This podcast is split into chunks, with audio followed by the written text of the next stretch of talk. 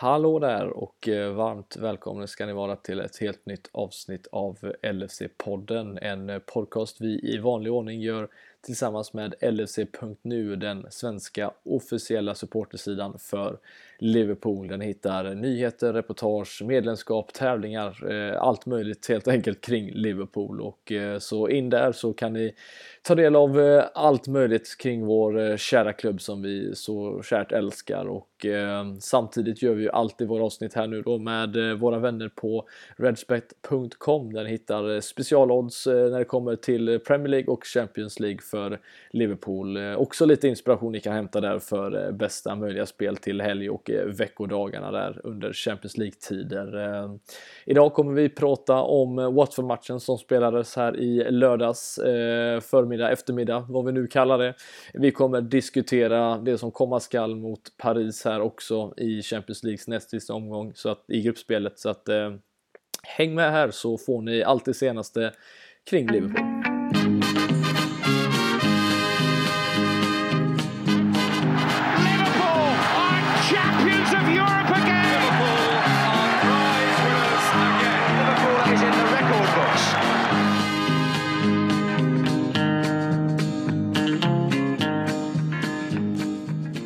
Ja, då är det söndag kväll här och vi sitter eh, dagen efter matchen mot eh, Watford och ska diskutera, analysera och prata om allt som hänt under den senaste veckan och eh, vad vi eh, helt enkelt ser fram emot som kommer här nu nästa vecka eh, i både Premier League och Champions League. Men framförallt Champions League mot PSG såklart vi ska diskutera utöver Watford-matchen och det har hänt mycket. Vi kommer prata lite om Manés kontraktssituation som nu lösts på något sätt kan vi säga. Watford här nu och den, ja, det rekordet som Liverpool har slagit och så framförallt så ska vi sätta Kalle som är med mig idag som vi ska välkomna in här också på prov och se vad han kan tippa fram här nu och eh, vad som händer i slutet av Champions League-gruppspelet. Men eh, innan det så, ja, det är väl lika bra att välkomna in dig Kalle och hur, hur känner du lukten av vinsten här nu dagen efter?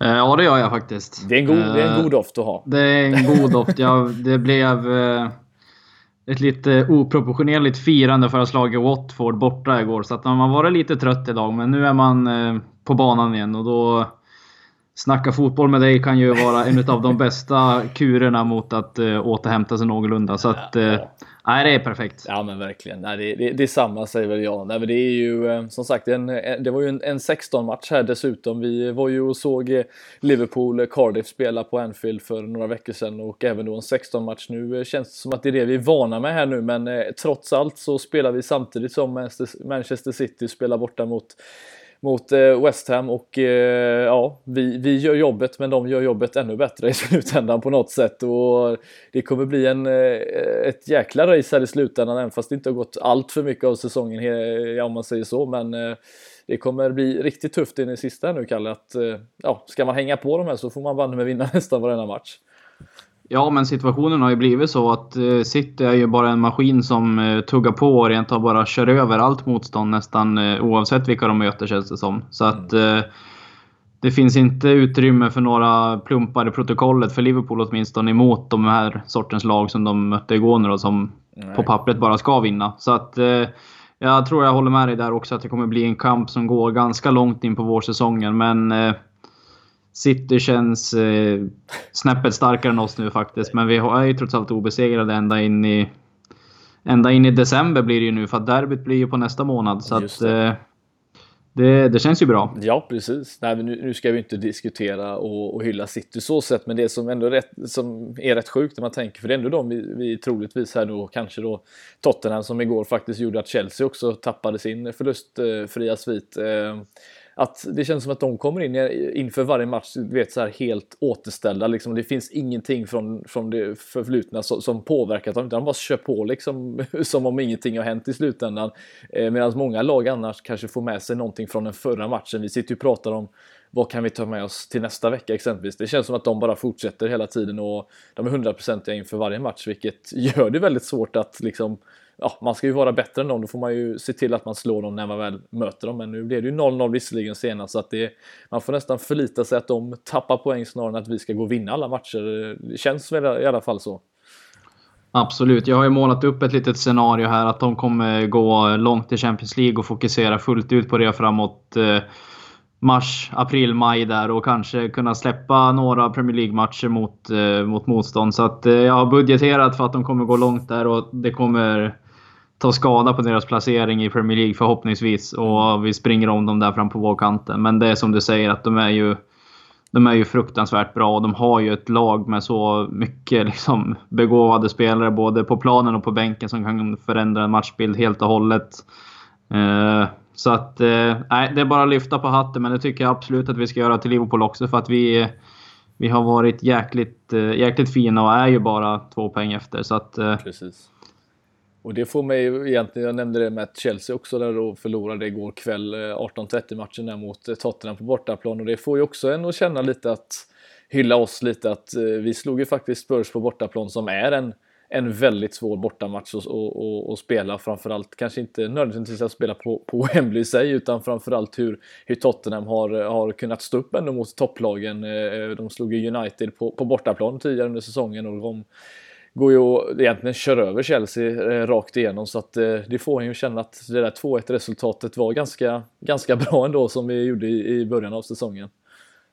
Absolut, det tycker jag. Sen, eh, sen var ju Tottenham ganska tama den matchen, mm. ska man ju inte glömma. Men man glömmer ofta det nu när man pratar om Liverpool i det här sammanhanget, att vi är obesegrade som vi har sagt. Och vi har ändå bockat av många av de svåraste matcherna på hela säsongen. Så att vi har mött City, har mött både Chelsea, Tottenham och Arsenal. Så att eh, alla på bortaplan. Så att vi har eh, bockat av ganska många tuffa matcher och fortsatt är obesegrade. Så att eh, det är ett jäkla styrkebesked tycker jag. Nu har vi ju, får vi ju City, City borta till våren då. Så att det, det är några av de här eh, riktigt tuffa matcherna kvar. Men eh, sammanfattningsvis tycker jag att Liverpool har gjort en helt fantastisk höst. Och det visar ju både, både statistik och allt möjligt som visar på det. Så att eh, Nej, det är jäkligt kul att se. Ja, verkligen. Ja, vi kommer komma lite in lite senare här när vi pratar om, eh, om Watford-matchen här också, om, om eh, varför det har gått så bra också såklart. Men jag tänkte eh, nämna framförallt en grej som vi skulle diskutera lite snabbt här. Vi har pratat lite om huruvida Mané skulle stanna eller inte stanna. Det har varit lite kontraktsfrågor där kring honom, lite rykten att han skulle gå till Real Madrid och liknande tidigare under sommaren. Men nu har han skrivit på ett långtidskontrakt, vilket gör, känns ju väldigt skönt såklart att ha våra storspelare eh, på, på långa kontrakt. Och, eh, var det väntat för dig eller var det, ja, kände du att det fanns någon typ av oro att det kanske inte skulle bli av till, till slut? Nej, men jag tycker att det var väntat att han skulle skriva på. Det var väl mer en fråga om när, bara hur lång tid, eh, tid det skulle ta. Jag har aldrig känt någon större oro över att han ska, att han ska lämna Liverpool nu, för det vore ju rent av dumt för, för både honom och klubben att släppa honom nu. Så att, eh, och det är som Klopp säger, att vi har ju tagit ett steg från där Liverpool har varit. Att de absolut bästa spelarna har liksom tagit första bästa chans mer eller mindre att komma ifrån och ta nästa steg. Eh, nu kan även våra stjärnor ta, ta det där extra steget inom klubben. och det, det tycker jag stämmer helt och hållet. Därför har jag aldrig känt någon större oro över att, över att han ska lämna. Eh, så nu har vi många många av våra absolut bästa spelare uppkritade på långa kontrakt. Sen kan ju det absolut, säger ju inte det att spelarna inte kan lämna, men då har man i alla fall, sitter man i en bra situation med långa kontrakt på dem och det är alltid, alltid positivt när det kommer till förhandlingar och så vidare. Så att, eh, nej, det känns, eh, känns jäkligt bra. Och, och, man kan i alla fall säga så här också när det kommer till Mané för att eh, visst de, de tre där framme som vi har nu med, med honom, Firmino och Salah vill vi ju gärna behålla. De har ju en snittålder som definitivt går att bygga på här nu ganska många år framåt. Men eh, om man tar just Mané i sig här, han har ju sedan han kom till Liverpool och han kanske var den här aviga spelaren som hade en, eh, som kunde vara helt magisk men hade också sina, sina dalar och eh, men han har liksom tagit ett helt annat steg nu och nu är han ju som sagt hur skulle du ranka honom i Premier League? Alltså är han bland de, bland de absolut bästa där uppe eller hur, hur ser du på hans status eh, för tillfället? Ja, det tycker jag absolut att man kan, man kan klassa honom om man ser till den typen av spelare han är och den positionen han spelar på. Om man jämför med de andra lagen så tycker jag absolut att han är där uppe i toppen. Det finns ju några givna spelare som är jävligt bra i Hazard och De Bruyne och allt vad de heter. Men jag tycker absolut att man är eh, uppe bland, bland dem och, och nosar. Så att, men om vi pratar wingers liksom, alltså yt yttermittfältare eller ytteranfallare. Är, han, eh, är det han Hazard som, som ligger i toppen där uppe eller ser du att det finns någon annan? Sané, eh, Sterling, eh, som exempelvis nej, som men, gjorde nej, ett fantastiskt mål. Ja, och jättebra. Nej, men det tycker jag. Man tycker man bör kunna nämna de två. Jag tycker fortfarande ändå. Nu ska man ju vara ärlig och säga att Sterling har ju varit jävligt bra den här säsongen och han är ju där uppe också. Jag har svårt att säga att Sané är det. Jag tycker han har en lite o, ojämnare nivå. Sen får inte han spela lika mycket heller, vilket också är jäkligt konstigt för att jag tycker att han är kanske ligans bästa spelare en mot en. Så att... Mm. Eh, jag tycker absolut att man kan ranka Mané för att eh, han har ju tagit det steget som du säger och blivit mycket en poängspelare också. Ja men, ja, men sen att han har blivit jämnare i sitt spel. Att han inte har de här riktiga plumparna som man kunde ha förut. Nu, klart att alla kan ha dåliga matcher, men han håller ändå en hög jämn nivå tycker jag. Och det visar han både i Premier League och inte minst i Champions League förra året när man ställs på prov mot, mot riktigt bra motstånd. Och även där eh, sticker han ju ut. Så att, eh, det tycker jag vi ska vara ärliga och säga. Mm, nej men absolut. Nej, det, är, det är jätteskönt att, att få ha en sån spelare som eh, som kan bidra med det lilla extra för att visst Salah och Firmino kan stå för mycket kreativitet men Mané har just det här lilla extra som man vet ju inte riktigt vad han ska göra i slutändan. Han har ju speeden och framförallt styrkan ska vi faktiskt, det är inte många som kanske pratar om det men han, han har en, en väldigt bra styrka i sig och förlorar sällan närkamper därefter också så att det, det, är skönt att kunna ha en sån typ av spelare som för övrigt kommer säkert göra en 15-20 mål den här säsongen. Eh, vilket säkert kommer bli hans bästa säsong någonsin också i, i målprotokoll och liknande så att han, eh, han går från klarhet till klarhet kan vi väl säga Kalle. Det, det är väl inte svårare än så. Nej, jag tycker du sammanfattar det jävligt bra. Och så den nya nummer 10. Så att det, nej, det är mycket att bygga på där. Eh, vi ska diskutera lite av det som hände igår framförallt. Vi fortsätter ju då med våran eh, förlustfria svit och 13 raka nu. Eh, ligger som du nämnde precis här två poäng bakom City som visserligen också fortsätter. Men vi får hålla oss till, till oss i det här fallet och Watford borta är ju en match som man kanske på förhand sitter och känner att ja, det är nog inte en säker trea men eh, 3-0, eh, 67 procent bollinnehav, 7 mål, skott på mål mot Watfords 1. Det är ganska solklart skulle jag säga, men eh, tyckte du att det speglade liksom resultatet eller matchbilden på något sätt? Uh, nej, det tycker jag väl egentligen inte. Man måste ju vara ärlig och säga att första halvleken var ju var ju ett jävla ställningskrig kändes det som. Då hade ändå Watford chanserna några gånger att ändå ta tag i, i taktpinnen i vissa fall. Uh, med ett offside-mål och sen även en, eh, en straffsituation som vi säkert kommer in på senare. Så att jag tycker inte att det speglar, speglar matchbilden på så sätt. Det är klart att vi hade mycket bollinnehav, men det behöver ju inte ofta vara synonymt med att man är, att man är helt outstanding i matchen. Eh, som du säger så kommer ju, kommer ju första målet ganska sent och det är väl först efter att vi gör 1-0 egentligen som jag tycker att vi tar det absoluta övertaget i matchen. Eh, och så att eh, nej, det, det, tycker jag verkligen inte att vi har, var så överlägsna att det var någon, någon solklar seger så. Nej. Nej men det är, det är lite, lite underligt för att det, vi har haft några sådana matcher under säsongen då man känner att eh, det, det, är inte övertygande på något sätt. Jag, jag tyckte ju Fulham hemma till exempel var ju långt ifrån övertygande. Eh, ändå så känns det slut, alltså i slutändan ganska säkert på något sätt ändå. Eh, det, vi har inte haft många, många matcher då vi varit sådär vad ska man säga, superimponerande över, över 90 minuter. Spurs borta möjligtvis, eh, förutom då att de gör ett mål i slutet och vi tappar liksom koncentration där. Men det är väl, känns det som att det är den enda matchen vi faktiskt varit sådär ruggigt bra över en hel match och verkligen dominerat en hel match. Men nu känns det som att vi, vi snarare är effektiva. Jag vet inte, kan man bygga någonting på det eller är det farligt att, att leva på att man har de tre där framme som ska försöka hitta på någonting? Nej, men jag tycker man ändå kan se någon form av tecken i att Leopold har blivit mycket bättre som lag. För att den här situationen ställdes vi inför väldigt ofta förut också med ett lag som ändå är väldigt inställda på försvar och då hade vi lite svårt att liksom hitta lösningar på det problemet. Det har vi suttit och pratat om hundratals gånger i den här podden. Mm. Så att eh, jag tycker att man kan se ett, eh, ett tecken på ett lag som har blivit mycket bättre som ett kollektiv framförallt. Och sen finns det här lugnet och tålamodet nu som kanske inte fanns förut. Ställdes vi inför ett lågt sittande försvar om vi går tillbaks någon säsong i tiden så kändes det som att spelarna mer eller mindre, ja men det här, det går liksom inte. Mm. Så att har man det där tålamodet. som inte hade någon, någon idé egentligen.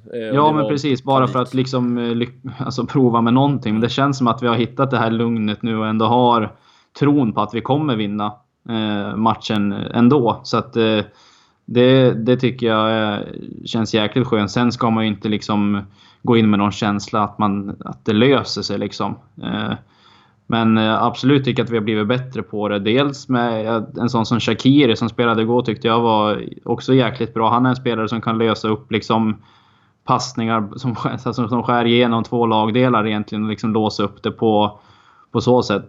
Eh, sen tycker jag att vi gör ett jävligt trött byte och tar ut honom och sätter in Milner bara för att... Men det känns, eh, känns som ett riktigt kloppbyte. Ja, det gör faktiskt det. Ja, det han, har, han har lite underliga grejer för sig. Vi såg även det som eh, vi alla sitter och, och hatar i slutändan. När, för, visst, nu står det 3-0, men just det här med att ta ut Fermin och sätta in Matip. Ja, ja det, det finns mycket sådana eh, byten han gör, men vad fan, han, eh, han vet väl vad han gör, jag vet inte. Eh, men om vi, om vi bara pratar innan vi går in liksom noggrant på detaljerna i matchen. Vi, du nämnde Shakiri som, som startade, vi hade ju den här frontkvartetten eh, får vi kalla det nu då, som eh, ja, en offensiv uppställning som ändå kan försvara. Det är väl så vi kan säga eh, den här laguppställningen faktiskt ställer upp Men Vi hade ju en Joe Gomez som inte heller fanns med då ska vi säga tillsammans med Lalana som återigen är skadad som jag vet inte tusan vad, vad, vad vi ska göra med honom Kalle. Eh, det känns som att han eh, han har tagit liksom Sturridge eh, position när det kommer i skade, skadesitsen. Jag vet inte, vad, vad, vad händer med Lalana liksom? Ja, det är en jävla bra fråga. Det känns som att vi att liksom går runt i någon form av veckorhjul. Att det är samma sak som händer hela tiden. Att han är skadad, kommer tillbaks, gör någon slätstruken insats och sen eh, blir han skadad igen av någon outgrundlig anledning. Så att eh, det är väl dags så småningom. Efter den här säsongen skulle jag tro att det blir dags för någon form av skilsmässa mellan Lalana och mm. och Liverpool. Eh, det tror jag är bäst för alla parter. Om han ändå vill eh, kräma ut det sista ur sin karriär så finns det nog andra klubbar han kan göra det i. Inte den värsta eh. skilsmässan om vi säger så då? Nej, men det är, nej, men det är väl så. Det tror jag skulle vara den bästa lösningen för alla faktiskt. Mm. Ja, nej, så kan det vara. Det är, det är väl en podd som man kan köra igenom och fråga, ifrågasätta hur, eh, hur, hur hans karriär har, har blivit i slutändan, fast det kanske inte är han som kan påverka allt för mycket att han är skadad, men ändå. Men eh, nej, som, som, som jag nämnde, där, Joe Gomez eh, drog på sig en, en skada inför eh, helgens match här och eh, egentligen mest för att vila upp honom så var han inte med i truppen. Istället kom Dejan Lovren in och som har på något sätt blivit en, en, ja, det första tredje alternativet kan man väl säga här nu då eh, under Klopp och kommer in och gör tillsammans med van Dijk en fantastisk insats får vi ändå säga. Eh, båda de två står ju för eh, nästan 100% i sina, i sina prestationer när det kommer till att rensa och tackla och, och passa allt möjligt så att det känns som att vi hittat någon ganska bra balans där att när den ena mittbacken inte är med, ja då kommer in någon som gör jobbet mer eller mindre lika bra eller nästintill i alla fall. Absolut, och, och, ha, att ha Lovren som den här typen av spelare nu, för att det är ingen hemlighet att, att det är van Dijk och Gomes som är det första alternativet. Men att ha, ha en spelare som Lovren som går att varva in, det, det måste man ju inse att det är ett jäkligt bra tredje alternativ. Eh, sen är ju Dejan Lovren alltid Dejan Lovren, men det känns som att han likväl som Gomes har han också hittat någon eh, trygg punkt i van Dijk. Så att det känns betydligt lugnare att se honom spela nu än vad det, vad det gjorde för något år sedan. Uh, och han är väl uppenbarligen bättre än, äh, än Sergio Ramos nu om man, får, om man själv får bestämma. Så, att, så, så katastrofal tredje gubbe kan det inte vara. Nej. Och som du säger så gör båda dem en jättebra match igår också. Och man ska inte glömma att Lovren hade en, en fin säsong förra, som, förra säsongen och en, ett jättebra VM. Så att han håller ju absolut på den högsta nivån. Så att det här med att det kommer ut tweets eh, som är kritiska mot att Lovren spelar en match helt plötsligt. Det tycker jag är känns lite, lite fel faktiskt. Ja, jag vet nej. inte vad din, vad din känsla är. Nej, men jag, jag, som sagt, jag är inget, inget superfan av honom. Jag har ingenting emot honom. Jag vet bara att han är en, en tickande bomb i slutändan och jag vill ju bara inte se oss hamna i situationen där, där vi går en sån här säsong. Eh, man går liksom och har sin livssäsong man kommer fram till en match han spelar för att Klopp känner att man behöver vila någon av spelarna och så, och så drar han på sig en straff och så förlorar vi och så tappar liksom allting. Det är, det är det jag sitter och tänker hela tiden när han spelar, även fast man känner sig lite lugnare nu då. Men det, det är fortfarande en tickande bomb för mig, eh, vilket gör att det ändå känns skönt att han faktiskt är ett tredje alternativ. Men Eh, ja, jag blir ju fortfarande lika glad precis som alla andra när han kommer in och gör bra ifrån sig för att vi vill ju ingenting annat än att våra spelare ska göra bra ifrån sig så att eh, jag tycker det är kul att han kan komma in och, och, också känna det här lugnet för att eh, som du säger, lugn har han aldrig varit på något sätt. Han har alltid varit lite stressad i sina situationer och även fast han har lyckats med vissa tacklingar som till exempel när han gjorde på var det mot City på Anfield där när eh, var det Bernardo Silva eller om det var Sané stöd, någon av de här spelarna som, som han liksom lyckades slänga in och, och bryta och, i en avgörande situation. Och han, han, står ju för sånt lite ibland men eh, nej, det är kul att han får komma in och ändå hålla en eh, jämn nivå för det behöver vi ju ha nu när vi går in i sådana här rekordtider här med hållna nollor och insläppta mål och allt möjligt som vi, som vi gör nu för att det är som sagt Kalle, innebär ju nu tre, att, ja, fem mål på insläppta på 13 matcher. Det är ju nytt rekord för Liverpool eh, dessutom. Det är ganska sjukt när man tänker på det egentligen. Ja, det känns ju helt bisarrt om man tänker efter lite grann från eh, den situationen som har varit tidigare säsonger. Eh, och helt plötsligt stå med mer eller mindre det bästa försvaret i Europa. I de stora ligorna är det väl, tyckte jag läste någonting om idag. Så att det är ju, känns ju jäkligt glädjande. Eh, jag tänkte säga att det, när du var inne på Lovren tidigare, att vi har ju nästan vunnit ligan med Martin Skertel och Kolo Touré som mittbackar och som grädde på moset John Flanagan och Ali Cissoko. Så att, att ha den här backuppsättningen nu känns ju eh, lite smått overkligt egentligen om man ser tillbaka på vad som har varit.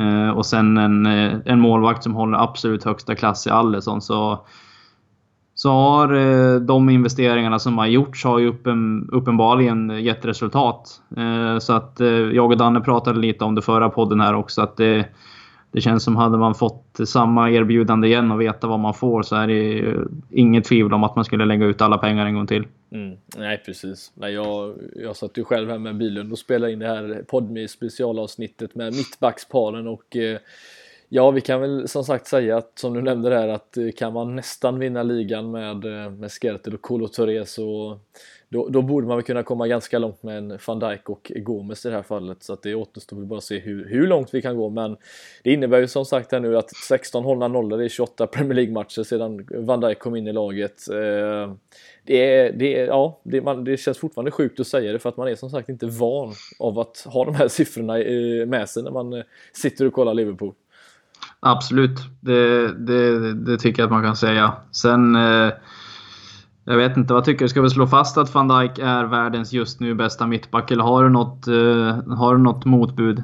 Nej, jag, alltså, om vi säger så här, det är just när det kommer till mittback. Eh, ja, en försvarare, alltså mittbacks jobb är ju liksom att försvara och fem insläppta mål. Visst, han har ju tack, kan ju tacka eh, Allison också för vissa delar. Han har ju stått för rätt många bra eh, livsviktiga räddningar i slutändan, men han är ju anledningen till varför då det inte har kommit så mycket skott mot oss. Eh, varför inte släppt in så många mål och eh, det, jag nämnde det i det avsnittet. När han väl börjar göra mål, då är han, då är han verkligen kanske den bästa. Jag ser fortfarande att en sån som Godin till exempel kanske är den mest eh, positionssäkra mittbacken i världen och, och står för minst antal liksom, fel. Men van Dijk är, och nu har jag inga exakta siffror på det, men han är nog ganska nära honom om inte egentligen på samma siffror också. Så att, äh, det, det, det är en fantastisk spelare som jag också återigen hade betalt dubbla pengar för att få in igen. Eh, om han, eller få in om han hade fått göra det nu för att så, så bra är han. Eh, så det, det, är bara att tacka och ta emot.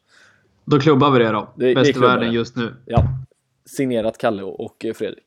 Eh, men en annan eh, grej jag tänkte vi skulle diskutera också. Vi hade ju Captain Henderson som kom in i laget igen och startade matchen, eh, Kalle. Och det här är ju en spelare som på, på senare tid fått dela, ja, delade åsikter där kring, kring prestation och liknande. Hur, nu kommer han in och ja, drar på sig ett ett rött kort eller två, efter två gula och eh, jag vet inte vad, vad, vad, känner du? Hur, hur är hans situation trots allt? Han är ju en lagkapten visserligen men eh, han, han, förstärker ju inte riktigt sina, sina aktier i laget när han kommer in och eh, jag vet inte riktigt var vi ska börja här. Nej, inte jag heller faktiskt. För mig är det ganska svårt. Jag måste ju försöka skilja på personen Jordan Henderson och spelaren Jordan Henderson. För att han har ju alltid legat, legat väldigt nära hjärtat för mig att vara en av mina absoluta favoritspelare. Dels för att han är bara en spelare som eh, öser på och bara krigar och kanske inte står för det här eh, enskilda tekniska briljansen men alltid sliter arslet av sig oavsett vad. Så det är väl den delen jag egentligen har uppskattat med honom. Eh, sen vet jag både du och jag att den, sen han kom ner som defensiv mittfältare så har ju situationen förändrats såklart. Och situationen blir väl eh, ännu mer aktuell med tanke på att han är vår lagkapten. Hade han bara varit en men en Vinaldum så hade det inte varit samma grej för att då hade han kunnat vara en bänkspelare. Det blir, det blir ju lite en annan dimension på situationen när han är lagkapten också. Så att eh, absolut bör man kunna se att det kanske eller kanske, han, är, han, han bör inte spela på den positionen i den här upplagan av Liverpool. För det finns det uppenbarligen spelare som kan göra bättre. Mm. Sen har han ju haft några jävligt bra matcher. PSG hemma till exempel var ju både han och Milner helt briljanta i den matchen. Eh, sen kan man se såna här matcher där vi kanske ska ha lite mer bollinnehav så kanske han inte är den spelaren som ska diktera tempot på ett mittfält då. Så att eh, det är absolut en, en eh, tuff situation och jag ser fram emot att höra vad du har att säga om det också. Ja, nej, men alltså, jag, jag börjar väl känna lite när det kommer till det här att eh, återigen, jag tycker också om personen. Han, han visar ett, ett sånt där hjärta som man vill att alla Liverpool-spelare ska göra. Han, eh, han har en stor passion för laget och eh, det, det, det, märks verkligen när han spelar, vilket jag uppskattar väldigt mycket. Men jag börjar väl fortfarande säga att eh, jag, jag ser väl fortfarande slutet på, på, på tunneln i det här fallet, att det finns han är ju begränsad som fotbollsspelare. Eh, vi märker ju att Klopp och Liverpool ändrar tankesätt hur det kommer till att, att spela fotboll i det laget som, som förra året då spelade väldigt mycket på högpress och, och kontringsspel på ett helt annat sätt. Nu har vi mycket boll. Det blir, vi ligger lite lägre i, i banan idag. Vi pressar inte på samma sätt även fast vi pressar väldigt mycket och aggressivt. Ja, i rätt läge kan vi säga. Så det finns så mycket mer att hämta in hos spelare som, som visst, eller ja, Keita, eh, exempelvis Fabinho också när han kommer tillbaka. Visserligen ska vi ju sätta de kraven såklart på de spelarna också, inte bara på, på Henderson, för vi får ändå vara ärliga och säga att Keita har ju absolut inte kommit in och varit den spelaren som vi hade hoppats han skulle vara och visst, han har inte spelat, men jag tror det har lite att göra med att han heller inte har imponerat eh, såklart och det får man ju ge honom eh, därefter också då. Men eh, det är ju en spelare eller vi har spelare i laget, framförallt Fabinho och, eh, och Keita som, som kan erbjuda lite mer av det moderna som vi kommer behöva anpassa oss till när det kommer till att hålla bollinnehav. Så att jag, jag, jag tror att Henderson eh, inte kommer vara en startspelare framöver. Jag tror vi har redan börjat se det nu också såklart då. Men eh, min fråga till, till dig och till alla där ute är väl egentligen, eh, även fast det kanske inte finns, finns ett bra svar på det, det är ju går det att ta bort en kapten liksom mitt under säsong på det sättet och, och ta bort kaptensbindeln mer eller mindre och bara ge den till någon annan och, och låta låta han, ja i detta fallet då van Dijk exempelvis som spelar hela tiden, eh, sköta allting framöver eller är det helt omöjligt? Har vi sett nej, det förut liksom? Nej, helt, helt omöjligt. Ja, i andra lag har man ju absolut sett det där det mm. finns, eh, om vi tar Tottenham som ett exempel, kändes det som att de hade något rullande schema på kaptensbilden ett tag. Mm. Jag tror inte att man byter lagkapten mitt under en säsong och det kom ju uppgifter för inte allt för länge sedan att det hade varit en omröstning i laget om den här situationen med vem som ska vara lagkapten om inte vissa spelare spelar och sådär. Så att då var ju Henderson uppenbar etta och Milner tvåa bland spelarna i laget. Så att jag tror inte att det är någon, någon situation som liksom påverkar eh, hur spelarna ser på lagkaptensrollen. Eh, sen kan man absolut ta kanske överläggare inför nästa säsong. Om det nu situationen artar så man kanske tror att Henderson inte kommer bli en ordinarie spelare i laget. Då bör han ju kanske egentligen inte vara lagkapten heller. För att i mina ögon ska en lagkapten vara den första första spelaren man kritar ner på i startelvan och ska spela varje match. Då ligger väl van Dijk nära till hands känns det som. Men eh, att vi gör någon ändring mitt under säsongen, det har jag svårt att tro. Ja, alltså ändringen blir väl egentligen snarare då att man att, att Milner och Henderson kanske inte spelar lika mycket och det blir naturligt att van Dijk blir det alternativet. Han har ju haft KTS-minnen tidigare. Han avslutade ju dessutom väl matchen med den nu va? Eh, gjorde han inte det? Ja, Milner, Nej, det var Milner tog, just, han tog över. han tog över den där ja. Eh, det har du rätt i. Eh, men han har ju gjort det tidigare i alla fall kan vi säga. Så att, och det är ju den, det naturliga eh, spelaren enligt mig som, som ska ha den. För han, han, jag tror att Klopp i, idag, Firmino har väl varit det tidigare, Salah har väl varit det förra säsongen också, men jag tror trots allt att van Dijk är den första han sätter ut på, på planen i det här fallet för att den, den byter man inte. Det, det går inte att göra det mer, mer eller mindre. Han, eh, han har ju visat det gång på gång nu att han är den viktigaste spelaren som får ja, oss att rulla på på det sättet som, som vi har gjort nu. Så att, eh, men som du säger, man kanske inte byter det rakt av, men samtidigt tänker man en sån här omröstning, vad hade det gjort med lag, lagkemin om det hade visat sig att ingen vill ha Henderson plötsligt? Då tror jag det kan bli lite dum stämning i laget om det skulle röstas fram på det sättet. Men eh, nej, du har väl rätt i det att man eh, gör väl det i så fall framåt eh, till nästa säsong och då tror jag att van Dijk ligger väldigt bra till, om inte kanske först på planen, om du håller med mig. Ja, men det tycker jag absolut att, eh, som Eller du sa, han är våran... Ja, precis.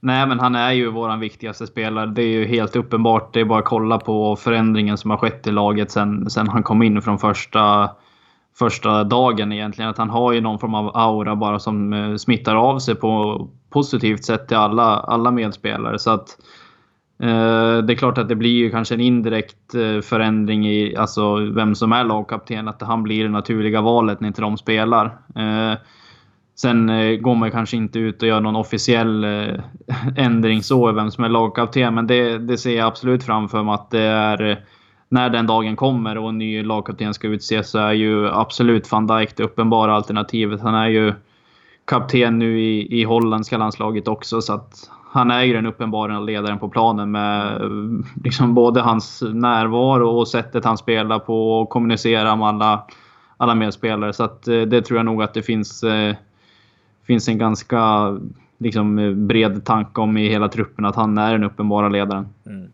Nej, nej, det var att instämma.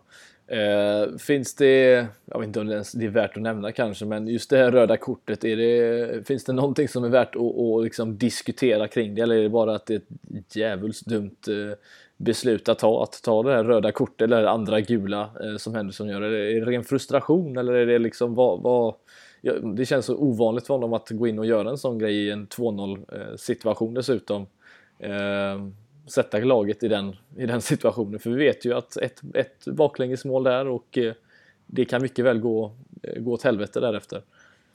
Absolut, det, det, kan det ju absolut göra. Sen, sen tror jag det är som att du säger att det är lite frustration. Han känner nog att han inte kommer in i matchen bra. Han tar ett... Eh, Eh, redan det första kortet är onödigt också när det är, är Dukorea när och drar i.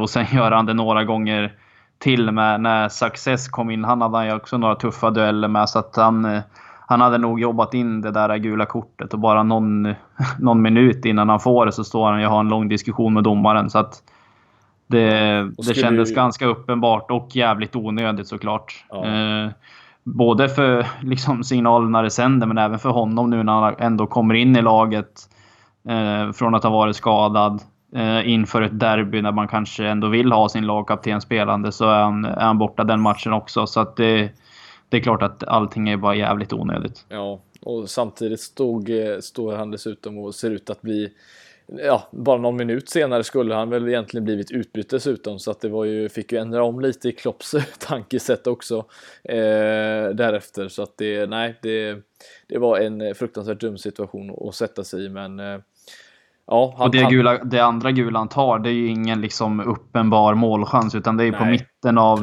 Watfords planhalva typ. Ja. Eh, så att, eh, eller mitt på planen i alla fall. Så mm. att det är ju... Nej, det var bara jävligt onödigt. Precis. Och det innebär dessutom att han har, eh, vad är det, fem stycken röda kort innan han är uppe på Gerards nivå som har sju röda kort i Liverpool-karriären, vilket eh, rätt mycket faktiskt när man tänker efter. Men eh, samtidigt så vet man ju att man har ju sett honom eh, hoppa in med dobbarna både två gånger mot Manchester United vill jag minnas. Var det väl i FA-cupen på, eh, på bortaplan var det väl eh, 2000 någonting tidigt 2010 2011 och sen var det väl mot United där på, på Anfield också så att han har ju några röda kort att ta igen där kan man väl säga innan han är uppe på nivån men vi hoppas väl inte att vi behöver stå där. Du kommer väl ihåg vilket eh, Hendersons första röda kort var? Uh, vi ska se. Nej, det gör jag inte så här på rak arm. City hemma 3-2. Ja, just 13-14. Det, det, var den som vi suttit och pratat om är anledningen till varför vi inte vann ligan. Ja, ja, det var hans första alltså. Det visste jag faktiskt inte. Ja, men det var ju också... Det var ett rent rött dessutom.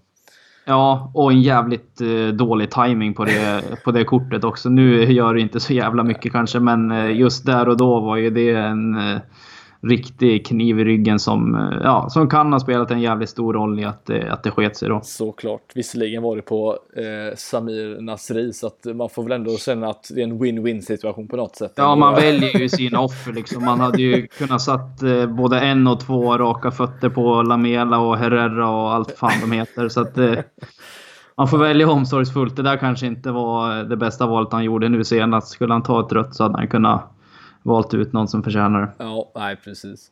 Ja, nej, nog om det röda kortet. Vi, vi pratar väl om det lite mer positiva tänker jag här som hände där i eh Eh, ja, i, i, slutet eller i alla fall i andra, andra halvlek och, och, och, det som hände därefter. Och det tog ett ganska bra tag nu innan vi fick vårt öppningsmål. Det var hela 67 minuter, vilket faktiskt är det längsta vi behövt vänta på ett öppningsmål den här säsongen, vilket eh, också är ganska sjukt när man tänker efter att vi gärna gör tidiga mål och eh, håller det därefter och bara fortsätter mala in på i andra halvlek och, och fortsätter därefter. Men eh, ja, 67 minuter tog det för Salah som nu då älskar att spela mot Watford visserligen som gör, sitt, som gör 1-0 målet som blev ja, matchavgörande i slutändan. Men eh, det satt ja, ändå lite, lite hårt inne. Slut. Ja, det gjorde det. Det var ju ändå snabbare än vad det tog att få första skottet på mål mot ja. Röda Stjärnan. Så det, är ju, det beror på vad man jämför med. Men eh, absolut, 67 eh, minuter. Vi är ju inte vana att vänta, vänta så länge på det första målet. Eh, sen när det kom så förändrade det matchen helt och hållet. Mm. Så att, Lasse Lagerbäck hade väl rätt där ytterligare en gång då att mål förändrar matcher. Eller om det var Hamrén eller vem fan det var som sa det. Det känns som det är något Lagerbäck skulle kunna säga, men Ja, nej, det, det var ett, ja, framförallt ett viktigt mål att få in. Eh, skönt för Salah också, som börjat fira mål äntligen igen. Eh, han var ju ett tag här, han eh, inte såg så glad ut men nu eh, verkar det som att det har släppt lite för honom. Jag vet inte riktigt vad målgesten betydde. Han gjorde nästan någon, någon sån typ av Anelka-vinge eh, nästan såg ut han att göra men jag vet inte riktigt vad han menar med Men skitsamma. Nej, jag tyckte det eh, var lite, påminde lite grann om Shakiris, den här örnen ja, han körde också. Så att så han det, kanske var någon, det kanske var någon lite gott och blandat där men det är kul att se att han är igång igen. Ja, nej men verkligen. Nej, det är skönt och som sagt läste lite kul statistik här efter matchen eh, att eh, som sagt Salah vet vi ju är den bästa målskytten sedan Klopp tog över i alla fall när det kommer i antal mål och trots det har han faktiskt bara spelat 41% av matcherna sedan Klopp tog över och trots det är han den, den bästa eh, målskytten och jag vet inte om det säger mer om Salah eller hur mycket det säger om de anfallarna som han hade när han tog över i Balotelli och ja, vad de nu hette. Det var ju lite skillnad där kan man väl säga. Ja, det är absolut. Statistiken späs ju på såklart av att han gjorde en jävla massa mål förra året. Mm.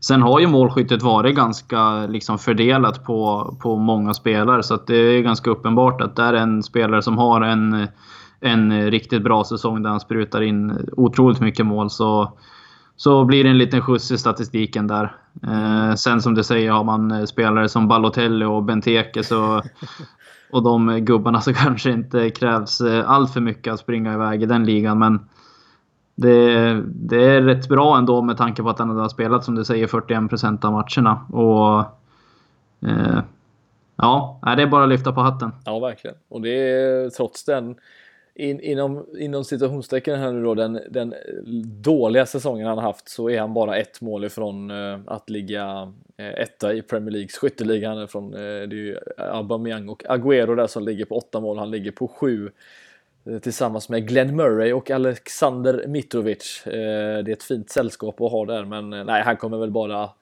ösa in mål fortfarande känns det som. Kanske inte på samma sätt han gjorde förra, alltså när han gjorde, han gjorde visserligen fyra mot Watford i en match så att det, det är klart att det hjälper till och, och sådär men det känns som att det kanske blir lite mer utspritt den här gången eh, både tidigt på, eller ja, nu under hösten och även under våren. Förut var det ju sent han kom igång egentligen. Det var väl egentligen fram i december som han började ösa in mål och, och framåt där men eh, det blev ju x, x antal mål till slut och eh, Premier League-rekord så att vi hoppas att han fortsätter så här Salah för att han eh, han visar ju att han har förbättrat sitt, eh, ja, ska säga, sin avslutsteknik och allt det där så att det kommer nog bara bli bra till slut. Men eh, på tal om eh, teknik. Eh, frisparksteknik kanske vi ska diskutera, Kalle. Det, det, vet jag att det var länge sedan vi pratade om Coutinho och hans sätt att knorra in eh, frisparkar, men eh, nu har vi faktiskt en, eh, en spelare som gillar att göra det och eh, Trent Alexander-Arnold gör nu sitt andra mål för Liverpool eh, på frispark. Han har gjort fyra sammanlagt i, i sin karriär. Eh, ja, det där var väl spiken i kistan om något i slutändan. Det var det absolut. Eh, och han har ju tagit steget nu till att vara Liverpools kanske klara frisparksskytt. Med Shaqiri eh, kanske då? Precis. Det, jag, läste, jag läste det idag att, det, att det som har kommunicerats ut från Klopps sida är att det är Trent och Shaqiri som tar frisparkar. Uh, nu var ju, var ju även Henderson lite sugen på att stå där och, och nosa på bollen lite. Så att det, det kanske var tur att Trent slog den. För att han har ju ett jävla fint tillslag på bollen. Det har han ju. Uh, det har vi sett flera gånger. Och det, han visar det säkert dagligen på träning också. För annars hade han ju inte fått det förtroendet så tidigt. Jag varit själv lite chockad när han ställde sig upp och skulle ta frisparken mot Hoffenheim där i playoff till, till, till, Champions League. Så att, eh, nej, det är jäkla fint tillslag på bollen. Så får han det här lite fina dyket på den också som gör att det blir ännu snyggare. Så att, eh, nej, det är jäkligt glädjande att se att eh, med scenerna efteråt också hur mycket det betyder för honom och vilken ändå passion som finns där och vad det betyder. Så att det, det är jävligt roligt faktiskt. Ja, nej men precis. Och han är väl inne i någon typ av målstim nu. Han gjorde ju mål för England här ganska nyligen också så att han eh, det känns som att han, han kommit igång med målskyttet lite här och det är ju som sagt en, en offensiv ytterback som, eh, som är med rätt mycket uppe. Han kanske inte kommer till mycket avslutslägen så sett men frisparkar kommer han väl säkert att kunna knorra in mer under säsongen för att eh, som du säger den, det dyket han får på den bollen är ju, är ju precis som man vill ha den eh, runt, ja, över muren och sen ner så att målvakten knappt hinner reagera och det även fast den kändes som att målvakten kanske kunde slängt sig i alla fall försökt på den bollen men nej, han fick till det ganska bra till slut och eh, 2-0 där in, strax innan 80 minuten och 3-0 med Firmino i slutet där efter eh, Andy Robertson var uppe och eh, sprang igenom på något sätt eh, så blev det 3-0 som ändå känns betryggande. Vi måste ju bygga på vår målskörd dessutom och målskillnaden samtidigt som City eh, fortsätter göra ett plus mål mer visserligen nu då men eh, nej, vi får alla mål är välkomna i slutändan Kalle för det kanske blir till slut att man står där, inte mot City i alla fall men kanske mot ett Tottenham eller Chelsea och det kommer att man behöver göra lite mer, ha lite mer plusmål på dem. Så kan det absolut vara. Nu, nu ska vi inte sitta här och titta i någon spåkula hur situationen kommer vara i maj, men det kan ju absolut vara så att, eh, att saker och ting kan hända. Att det kan vara spel om en Champions League-plats eller så, likväl som det kan vara spel om en titel. Så att det, alla mål är, är, viktiga. När man lägger ihop dem ackumulerat så, så kan det göra ganska stor skillnad på en eh, position hit eller dit i tabellen. Så att eh, det är bara, bara ösa på och in med kassarna. Mm. Nej, men absolut. Finns det något eh, kring eh, West, eh, förlåt, West Ham-matchen säger jag här, Watford-matchen som, eh, som ja, du minns lite extra, något du vill eh, känna att det här måste vi nästan ta upp nu innan vi går vidare till, eh, till det viktiga som händer nu på onsdag? Eh, ja, vi har ju haft lite VAR-tema här senaste, senaste veckorna, så vi kan ju ta ett varv kring det där också. Straffsituationen som, som, är för, som Watford i mina ögon ska ha en straff, tycker jag. Ja. Eh, så att det, jag tyck, vad är din syn på den situationen? Jag hade ju faktiskt med den som en punkt här så jag hade ju tyvärr eh, omedvetet missat den så det var faktiskt bra att du tog upp den. Det var inte så att jag ville glömma den för att jag tycker att det är värt att diskutera men eh, nej jag tycker också det är eh, det är straff. Jag vet inte om eh, var det Hughes som, eh, som Robertson tacklade. Det känns som att han gick ner på ett sätt som kanske inte gjorde honom någon fördel på något sätt. Jag vet inte om det såg ut, det såg rätt konstigt ut. Jag vet, Robertson gick in dessutom väldigt dumt får vi ändå tillägga. Men eh, för mig är det straff eh, och det är som sagt dessutom i 0-0 så att det är ett ganska jobbigt läge att få in ett, eh, ett eh, baklängesmål. Men eh, VAR hade nog gått in och tagit den faktiskt. Eh, linjedomaren står ju dessutom i en väldigt bra position där på, på ena sidan där så att eh, men nej, det, vi eh, får väl bara säga att vi, de blev rånade och vi vann en, eh, vann en poäng där på något sätt när det kommer till att inte få en straff mot sig. Absolut, jag tycker prisbilderna man får se också, man får liksom ingen riktigt rättvis kameravinkel och se hur, eh, hur mycket kontakt det är heller. Det är klart att det är någon form av kontakt och han går ju in gå in vårdslöst. Sen kan man ju argumentera för att han är på väg ut ur straffområdet, men jag tycker inte det har någon betydelse egentligen. Att eh, får man en sån satsning i straffområdet så, så tycker jag det ska vara straff och som du säger så hade nog VAR tagit den där mm. utan minsta tvivel. Så att vi, vi kom undan den här gången, men eh, så småningom från och med nästa säsong så kommer det ju bli eh, lite mer svart på vitt hur det är. Mm. Ja, det ska bli kul faktiskt att se hur, eh, om, det, om, om man märker någon sån här otroligt märkbar skillnad på, på hur spelare reagerar och sådär nu när de vet att det finns VAR. Jag vet inte om de själva kan eh, säga det liksom idag, att när de spelade VM till exempel, att de kände att de var de kunde inte vara på samma sätt de har gjort tidigare utan var tvungna att tänka efter lite. Det känns som att det kan mycket väl bli så. Eh, jag tror att Robertson, om han vet att det finns kameror som kan fånga upp det på ett helt annat sätt. Kanske han inte går in så, men vem vet? Det är, jag tror, absolut, jag tror absolut att situationen kommer bli så. Nu, det kommer ju dels vara sådana situationer som var igår med, med straffsituationer, men även eh, om man ser eh, i Leicester-matchen igår var det väl Madison som drar på ja, sig ett, ett, andra gula för en filmning. Att jag tror också att sånt kommer försvinna ganska mycket. Att de vet att de, de kommer inte undan med det på samma sätt som de har gjort tidigare. Så att eh, jag tror att det finns mycket positivt att hämta med VAR. Sen är det ju ingen hemlighet att eh, själva upplägget och systemet alltid har varit det optimala. Men jag är positivt inställd till det faktiskt. Mm.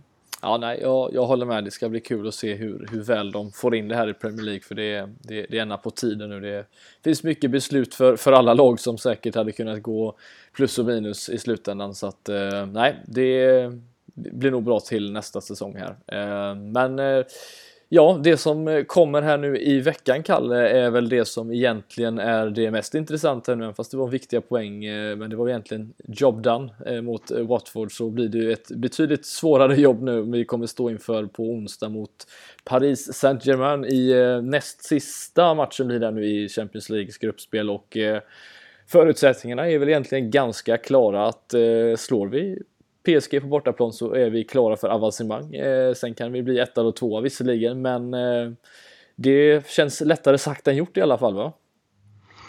Eh, ja, det är det absolut. Vi, har ju, alltså, vi vet ju vad som behöver göras egentligen och det allra enklaste hade ju varit att eh, sätta spiken i kistan mot PSG nu och rent, rent krasst spela om, eh, om placeringen mot, mot Napoli. Så att eh, men eh, det, är inte, det är inte en match som man bara åker och, och städar av för att det är ju ett, ett jävla motstånd och vi har ju, det har ju varit tvivel kring både Neymar och Mbappé, deras eh, vara eller icke vara i, i matchen. Men nu verkar det väl som att eh, båda kommer spela ändå. Så att det är ju ett eh, jävligt slagkraftigt eh, PSG vi ställs mot. Mm. Eh, nu skickar vi dit både Jocke och Danne till, till Paris som ska både bevaka och sätta skräck i, i Paris. Så att, det blir spännande att se vad de tar med sig hem från den resan också. Ja. Jocke har ju utlovat seger förresten, så det, vi får ju hoppas att han, att han håller någonting som han lovar. Ja, det får vi ju faktiskt göra, men eh, det känns som att det, det, är dags nu för honom att börja, börja bygga på en bra svit här nu och faktiskt eh, att vi, vi är hundraprocentiga när han är på plats. Det känns som att det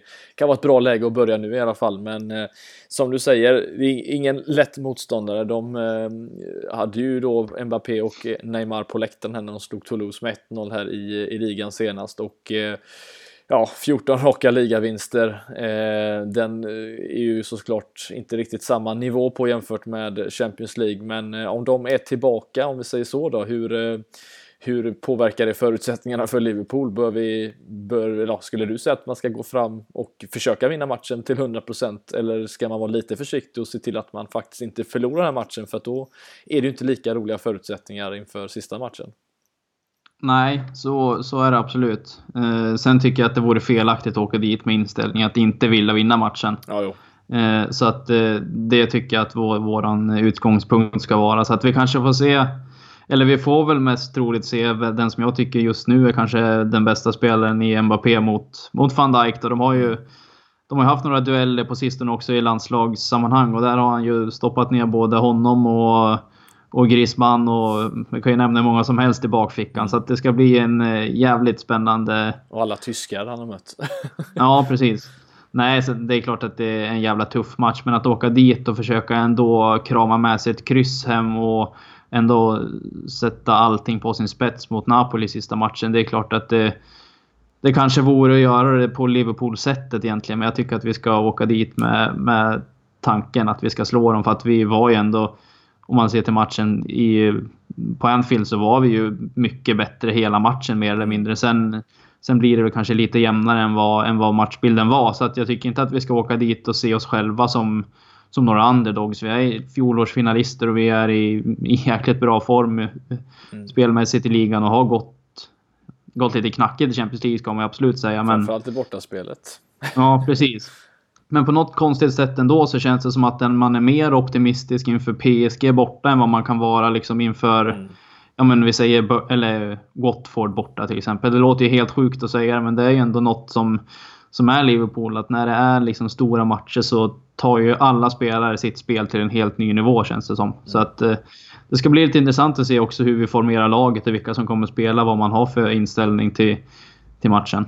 Mm. Ja, det, det, vi vet är väl i alla fall att Gomes ser ut att kunna vara tillbaka till den här matchen, vilket är eh, viktigt såklart med den hastigheten han får upp i speed och eh, styrkan och eh, kunna matcha tillsammans med van Dijk då de två där framme, eller tre där framme för vi utgår väl från att Cavani spelar även den här matchen. Så så finns det lite att bita i eh, kan vi väl säga, men eh, som du säger också det formationsmässigt eller spelarmässigt. Eh, Eh, tror du att en, en Shakiri till exempel befinner sig kvar på planen i det här fallet eller att Klopp tänker lite mer eh, safe här och kanske slänger in en Milner och eh, ja, istället? Ja, jag tror faktiskt att det blir så att han kommer, att han kommer gå lite mer på det här tunga tunga mittfältet ändå. Mm. Eh, sen klart att det vore jävligt kul att se Shakiri. Han är ju Också en av de Liverpool-spelarna nu som kanske är i, i bäst form av alla. Där han har sett eh, jäkligt bra ut nästan varje gång han har startat eller kommit in. Eh, men jag tror i en sån här match där det, där det står så mycket på spel och med den skickligheten som båda lagen har egentligen så tror jag att det kanske kan bli ett mittfält med, med förhoppningsvis Fabinho skulle jag vilja se och kanske Wijnaldum och, och Milner där det är lite mer, lite mer styrka men ändå jävligt mycket skicklighet. Så, det, så skulle jag formerat laget i alla fall. Och jag tror att Klopp tänker lite likadant faktiskt. Ja, nej, men det tror jag också faktiskt. Jag, jag, det, det är väl som sagt inte ett sätt att kanske safea till det heller, utan det, det, han litar ju på de spel. Han vet ju vad Milner, Milner vet precis vad Klopp behöver i en sån här match eh, för typ av prestation och arbetsinsats. Så att jag tror ju fullt på det också. Och sen kan det vara skönt att, kunna slänga in en Shakiri när man vet att man behöver få lite förnulighet. Det kan mycket väl vara så att det står 1-1 och man behöver få in någon som kanske gör det lilla, lilla extra och ja, så kanske man står där med tre poäng till slut för att vi eh, släppte in honom på planen och han står där med en assist eller mål eller något i den stilen. Så att eh, nej, det är fullt möjligt att Klopp faktiskt tänker så som du säger och det späder väl bara på min teori om att du hade varit en magiskt bra tränare i framtiden också, Kalle. Eh, kanske Liverpool-material. Eh, ja, du ser ju Sam Hyppie kan ju träna Kalmar, varför kan du inte träna Liverpool? Så att det, det känns väl fullt möjligt att, eh, att det kan vara så. Eh, så, så vad känner du nu då? Eh, blir det tipp, tippningsmässigt om du får eh, ta fram din, din klopphatt här nu och, och tippa vad, vad blir det resultatmässigt mot PSG borta här nu i, på onsdag? Jag satt faktiskt och funderade nu alldeles eh, nyss när du, när du satt här och pratade hur, hur fan det ska gå egentligen. Det, på något sätt känns det som att vi har gått dit med någon form av inställning att jag tror att vi kommer vinna matchen. Men eh, ju mer jag tänker på det egentligen så känns ett resultat som 2-2 ganska lägligt ändå. Jag tror att det kommer bli en hel del mål men eh, jag tror att vi kommer få gå därifrån med ett kryss. Så jag säger 2-2.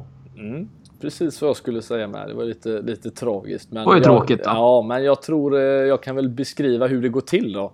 Great så, minds think alike. Eh, ungefär så. Nej, men jag, jag, tror, eh, jag tror att vi faktiskt eh, kvitterar och gör 2-2 mål ganska sent. Jag tror att vi kommer ligga under och Shakiri kommer komma in och stå för den här viktiga poängen i slutändan. Så att 2-2 tror jag med. Det Eh, känns som ett ganska bra resultat ändå, godkänt att kunna åka därifrån med. Eh, Napoli visserligen vann den matchen, så att eh, varför inte? De hade ju en hög backlinje mot dem, så har man det mot Salah Mané så vet vi ju att det faktiskt kan, eh, kan eh, bli några mål i baken där, så att eh, nej, vi får se hur det blir, men eh, vi, vi, hoppas väl på det bästa i alla fall och eh, så att förutsättningarna blir bra för gubbarna när de åker över med CL-podden till Liverpool, Napoli i december. För det tror jag kan bli ett, en riktig jäkla tillställning om, om allt går sig som det skall. Och, eh, det hade väl nästan varit nästan roligare att få låta det vara in i det sista Kalle så att de får, får liksom en, en riktig nagelbit där på plats. Ja, Nej, men det blir det oavsett visserligen, men uh, ja. Det, kommer ju vara en nagelbitare ändå. Om man ser att Napoli kommer ju ha någonting att spela för också mest troligt i den matchen. Så att det kommer ju inte vara någon någon avslagen tillställning som det var Porto hemma förra, eller förra ja. säsongen. Så att oavsett kommer det vara en jävligt bra match. Men det vore klart det vore jävligt kul att ha en direkt eh, avgörande match. Men eh, känner jag mina nerver rätt så föreslår jag nog att vi gör saken klart på till veckan här nu mot PSG så får vi bara spela för placeringarna. Eh, om vi ska vinna gruppen eller komma tvåa i sista ja. matchen. Nej, ja, det, jag håller med. Det känns bäst för hjärtat så. Eh, men eh, ja, annars Kalle, med, med det sagt, om det inte finns någonting annat eh, som du behöver flagga för här inför onsdag eller kommande tillställningar så tackar väl vi för att alla ni lyssnade helt enkelt idag. Vi kommer eh, höras efter Paris-matchen såklart och säkert inför det som kommer till helgen eh, därefter blir det väl va? Eh, om jag inte minns helt fel. Nu är mitt, mitt schema ganska dåligt här tänkte jag säga. Ja, nej, men så blir det. Um, det bör vara söndagsmatch. Eh, tror jag. Den 2 eh, december är va? Just det, 16, så att vi, 17, 15. Så det, men vi flashar lite för också att uh, håll koll i våra kanaler för att uh, som sagt Jocke och Danne sticker ner till Paris, håller koll på läget där och kommer med allra största säkerhet skicka ut uh, både material i bild och ljud och allt mm. möjligt. Så håll koll i, i våra kanaler så kommer ni få mycket godbitar där. Jag har hört talas om att det ska vara något Eiffeltorns eh, mat bokat och allt fan vad det är. Så att eh, gubbarna har det bra när de sticker iväg så håller vi ställningarna här hemma. Ja, nej, det låter som en bra idé. Så uh, hörs vi helt enkelt efter Paris inför uh, to uh, ja, Tottenham säger jag, Everton, derbyt där på söndag och så hörs vi snart igen. Tack för att ni lyssnade.